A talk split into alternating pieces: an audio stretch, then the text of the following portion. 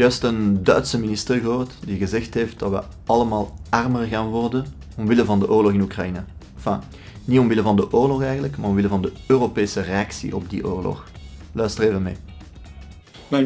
Wij zijn in deze oorlog ook een strijdende partij op economisch vlak. Het is een schok van buitenaf die op het land afkomt en het moet duidelijk gezegd worden. We zullen armer worden omdat de samenleving hiervoor zal moeten opdraaien.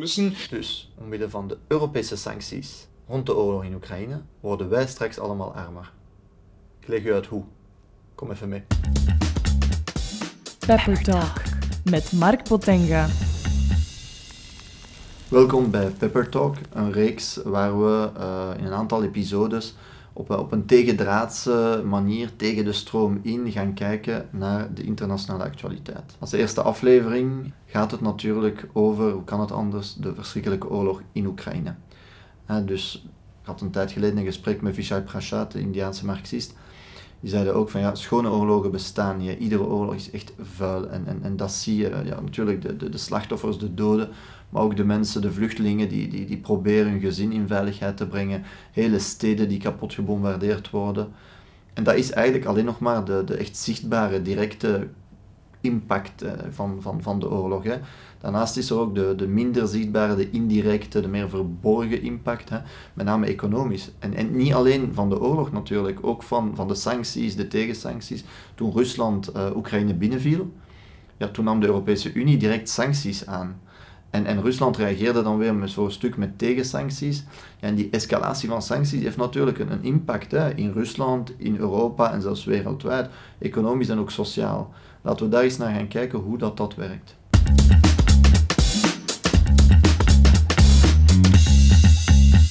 De verborgen kost van zo'n oorlog, de verborgen impact van zo'n oorlog, die heeft natuurlijk niet alleen te maken met de verwoesting van de oorlog, maar ook met sancties tegen sancties. Sancties, wat is dat? Dat betekent eigenlijk dat je een stuk van, van de handel hè, met een bepaald land gaat stoppen, platleggen. Dat is, zoals de, de Duitse minister zei, eigenlijk een vorm van economische oorlogsvoering. Hè. En dat betekent dan dat je zegt van bijvoorbeeld met bepaalde Russische banken uh, doen we geen transacties meer. Of, laat, laten we twee voorbeelden nemen, hè, uh, energie enerzijds. Energie, dat is natuurlijk importeren als Europese Unie 30, 40 procent van onze gas en olie uit Rusland. Ja? Nu, Rusland die bekomt daar inkomsten van natuurlijk. Hè? Uh, wij betalen voor die olie, voor, voor, die, voor die gas. En uh, dan gaan, gaat de Europese Unie zeggen, overwegen, we, moeten daarvan af, we, moeten, we, kunnen dat niet meer, we willen dat niet meer betalen. En dus we gaan misschien een embargo zetten op, op die olie, op, op, op dat gas. Hè? we gaan dat, dat sterk verminderen. Dat heeft natuurlijk een impact enerzijds op Rusland, maar dat heeft ook een serieuze impact in Europa hè, en in België. In België is de, de factuur van, voor, een, voor een gezin, uh, de energiefactuur, die is al gestegen van, van, van 2000 naar 5000 euro jaarlijks. Hè. Of recent spraken ze van 3 euro per liter aan de pomp hè, voor diesel. Nee, maar stel je even voor, 3 euro per liter. Dat is gewoon onbetaalbaar. Hè. Dat kan echt niet. En dat geldt niet alleen voor energie, dat geldt ook bijvoorbeeld voor voedsel. Dus bijvoorbeeld laten we kijken naar uh, graan. Um, hè, dus, dus Oekraïne en Rusland worden een beetje beschouwd als de graanschuren van, van, van een deel van de wereld, uh, een beetje van Europa, zeer zeker voor, voor bepaalde Afrikaanse landen in het Midden-Oosten. Sommige van die landen hangen bijna volledig af, voor de volle 100% van de regio van Rusland en Oekraïne, voor hun import van graan. En natuurlijk, de oorlog maakt die, die, die handel in graan al moeilijker. Hè. Je hebt uh, schepen die niet kunnen vertrekken. Uh, het is moeilijk om, om te zaaien. Tezelfde tijd natuurlijk, de sancties maken die verkoop en aankoop van, van graan nog moeilijker. En dus je hebt landen die vandaag echt ja, honger of hongersnood en tekorten vrezen. Hè. Of in elk geval heel sterke prijsstijgingen. Waardoor ze denken van ja goed, hoeveel gaat een brood hier straks kosten? Hè? Door de hogere graanprijzen zullen miljoenen mensen hun eten niet meer kunnen betalen. Vooral in Azië en Sub-Sahara-Afrika.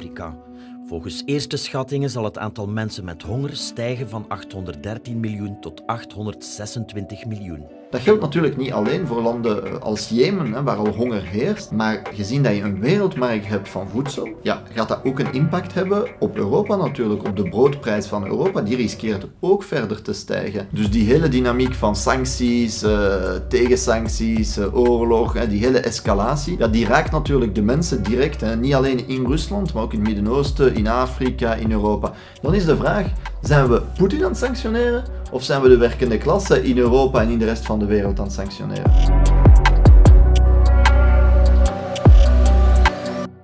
Bon, eh, onze Duitse groene minister daar, hè, die zei dat iedereen uh, armer zou worden.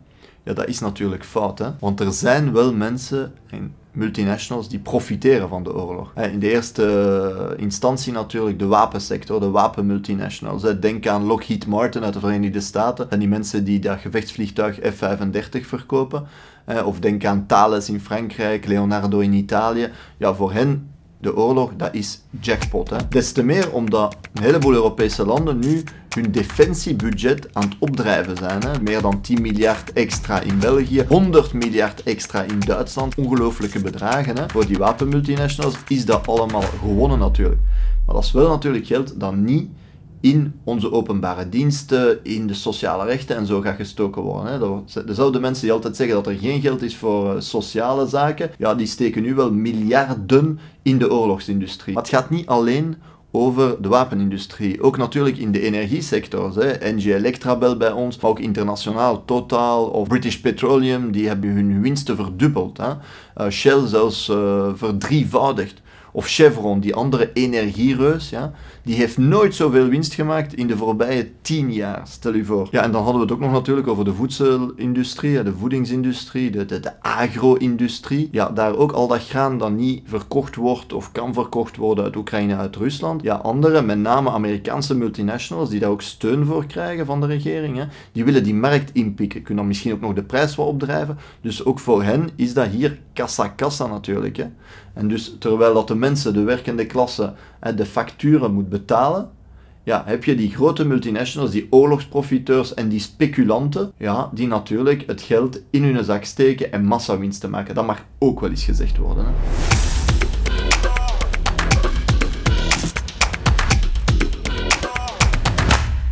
Hebt natuurlijk mensen die, die, die mij zeggen, en terecht, hè, van ja, maar Mark, uh, die oorlog, moeten die toch stoppen. Hè? En, en als die sancties daartoe kunnen helpen, dan is dat een, goede zaak. En, en, ik begrijp, ik ben het daar ook mee eens natuurlijk, die oorlog moet stoppen.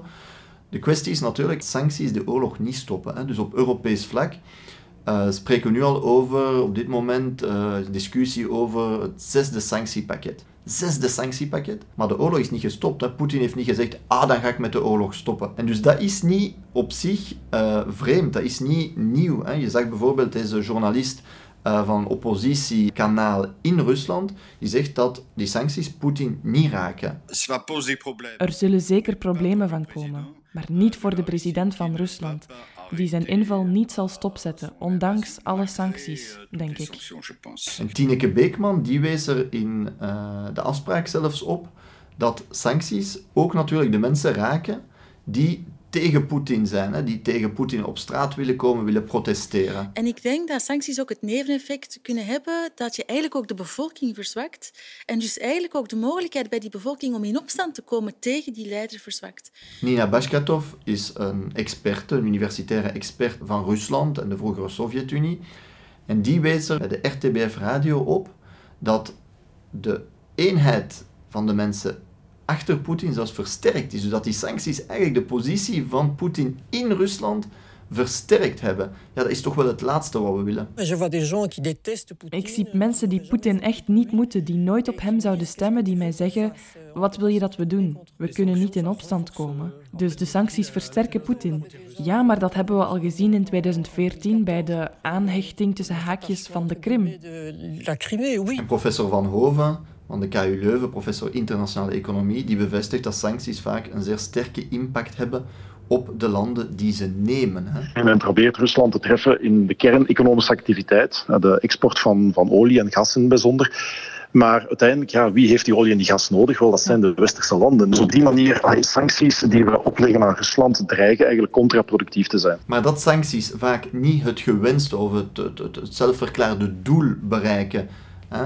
Dat is niet nieuw. Dat weten we eigenlijk al uit de jaren 90. Hè. Toen legde het Westen met de Verenigde Naties heel zware sancties op aan Irak. Het Irak van Saddam Hussein, na de invasie van Kuwait, de hele jaren 90 eigenlijk.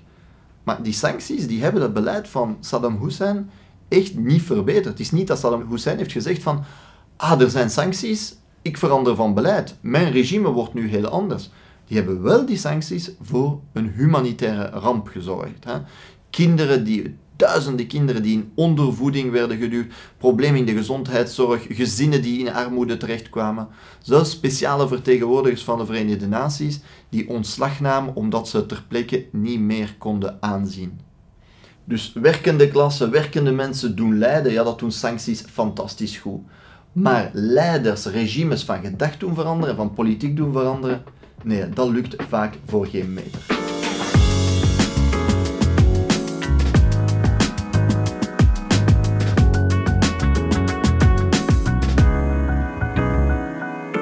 Vraag die zich dan natuurlijk stelt is, waarom nemen we die sancties dan? Als ze zo uh, contraproductief zijn, of in elk geval niet het gewenste uh, effect of het gewenste doel behalen. Ik denk dat is een goede vraag op zich. Gedeeltelijk is een beetje wat de Europese Unie altijd doet. Als er haar iets niet aanstaat, sancties, sancties. Maar anderzijds vrees ik dat we hier een beetje meelopen in een, ja, een escalatielogica die de Verenigde Staten ons uh, niet opleggen, maar waar de Verenigde Staten ons toch naartoe drukken. Hè. We hebben niet altijd dezelfde belangen natuurlijk uh, tussen de Verenigde Staten en de, en de Europese Unie. Voor de Europese bevolking die heeft alle belang bij een snelle vrede in Oekraïne en in Europa. In de Verenigde Staten ligt dat wat anders. Bijvoorbeeld de Amerikaanse minister van Defensie Austin, die zei eigenlijk ons doel is Rusland verzwakken. Ja, dat is natuurlijk iets anders. Hè? Wij willen Rusland zo verzwakt zien dat ze geen mogelijkheid meer hebben om dingen te doen zoals ze nu in Oekraïne doen. Uh, professor Kriekemans, uh, die expert is in internationale betrekkingen, die legde uit van ja, uh, als dat de bedoeling is, dan ga je eigenlijk, kom je in een, in een langdurig conflict met een open einde terecht, hè, waar, waar dat je niet meer ziet van wanneer komt er nu eindelijk vrede. Ja. Willy Klaas, die, die ex-secretaris-generaal van de NAVO is, die zei dan nog iets, iets harder, iets casher op een gegeven moment in Antwerpen blijkbaar die zei, uh, voor de Verenigde Staten mag de oorlog best nog wat langer duren. Want natuurlijk, ja, dat is heel hard hè, om te zeggen dat voor de Verenigde Staten de oorlog best nog wat langer mag duren, maar wat er wel juist is, is dat natuurlijk uh, enerzijds zij de impact van sancties veel minder voelen, dat het conflict zich niet bij hen, maar in Europa afspeelt, ja, dus dat de oorlog is hier. En tenslotte dat Amerikaanse multinationals natuurlijk ja, rijk worden en meer winst maken dankzij of door de oorlog. Hè. Uh, denk bijvoorbeeld inderdaad aan de energiemultinationals. Uh, dus al het, het en de olie eventueel die we niet meer uit Rusland gaan kopen, ja, die moeten ergens anders vandaan komen. En de Amerikanen, ja, die staan, hun grote multinationals staan al klaar om ons zogenaamd schaliegas of, of liquefied natural gas, LNG, te verkopen hè, via boten enzovoort. Ja, dat is pure winst voor hen natuurlijk. Denk aan de wapenmultinationals waar we het over hadden. Straks als, als Duitsland massaal zijn defensiebudget opdrijft, ja, dat gaat natuurlijk, dat budget gaat voor een groot stuk naar Amerikaanse multinationals gaan. Bijvoorbeeld om de, om de F-35, om dat F-35 gevechtsvliegtuig te kopen. Uh, of tenslotte ja, de, voedselkwestie. Hè. Al het graan uh, dat niet meer uit Rusland of Oekraïne komt, ja, de Amerikaanse agro-multinationals, de agrobusiness, die staan klaar om die markt in te pikken hè, met steun van de, de, de, Amerikaanse regering. Dus wat dat betreft maken de Amerikaanse multinationals winst eigenlijk door de oorlog en hebben zij andere belangen dan de Europese bevolking die vooral vrede wilt. Als we vrede willen, dan moeten we vrede zoeken. En dat is iets anders dan blindelings de Amerikaanse agenda volgen. Maar dat wil natuurlijk niet zeggen dat eh, in geval van een oorlog of een invasie van Oekraïne zoals nu, dat je helemaal niks moet doen. Hè? Dat je gewoon moet zitten en ernaar kijken. Absoluut niet. In elk geval werken enerzijds aan vrede en anderzijds de koopkracht van de mensen beschermen. Dat is heel belangrijk over vrede. Wat de Europese Unie al lang had moeten doen en wat dat sinds het begin van de oorlog niet gedaan heeft, is een groot diplomatiek initiatief nemen. Eh, sinds het begin van de oorlog geen grote vredesconferentie geprobeerd, geen speciale vertegenwoordiger voor de regio, niks van de alles. Af en toe telefoontje, maar dit soort oorlogen los je niet op per telefoon, dat is wel duidelijk. Uh, en, en als je dan moet inderdaad kijken naar, oké, we moeten mensen dwingen om aan tafel te komen zitten, ja, dan moet je kijken naar die oligarchen, hè, die, die, die, die, die rijke miljardairs rond Poetin die de oorlog direct steunen. En daarvoor heb je natuurlijk een globaal financieel register nodig, hè, waar je kunt gaan identificeren waar die rijkdom precies zit over de wereld. Want die zit nu verstopt overal. Hè. Dat hebben we ook voorgesteld, maar dat is geweigerd. Waarom? Ja, omdat de Europese regering en de Amerikaanse regering natuurlijk hun eigen miljardairs willen beschermen. Hè? Dat mag niet allemaal boven water komen. Nochtans, dat is echt nodig om ook aan vrede te kunnen bouwen en om eventueel sancties te nemen die niet de mensen raken. En ten tweede natuurlijk de koopkracht. Ja. We hebben gezien dat grote multinationals uit de energiesector natuurlijk, uit de wapensector en ook voor een stuk steeds meer uit de, uit de voedingssector, ja, dat die overwinsten beginnen boeken, dat die grote winsten boeken in elk geval, ja, die winsten, ja, die kunnen we natuurlijk uh, met bijzondere belastingen bijvoorbeeld, hè, een, een, een, een crisisbelasting of een belasting op oorlogsprofiteurs en speculanten, ja, pakken en daarmee de koopkracht van de mensen beschermen. Het zijn natuurlijk heel wat dingen die we vandaag uh, bekeken hebben in deze eerste episode van uh, Pepper Talk. Ik hoop dat het jullie beviel. Als je commentaar hebt, laat maar weten wat je ervan vond. Uh, maar ook vooral vragen die je zou hebben. Dingen waar je zegt van kijk, ik zou het leuk vinden om, om dat of dat aspect eens te belichten. Uh, in zaken de, de, hele internationale situatie. En dan kunnen we daar eventueel in komende episodes van, van Pepper Talk, van, de, van onze serie, op terugkomen. Maar in elk geval heel hartelijk bedankt om gevolgd te hebben. En tot binnenkort. Hè. Deze podcast is een productie van The Left Europe.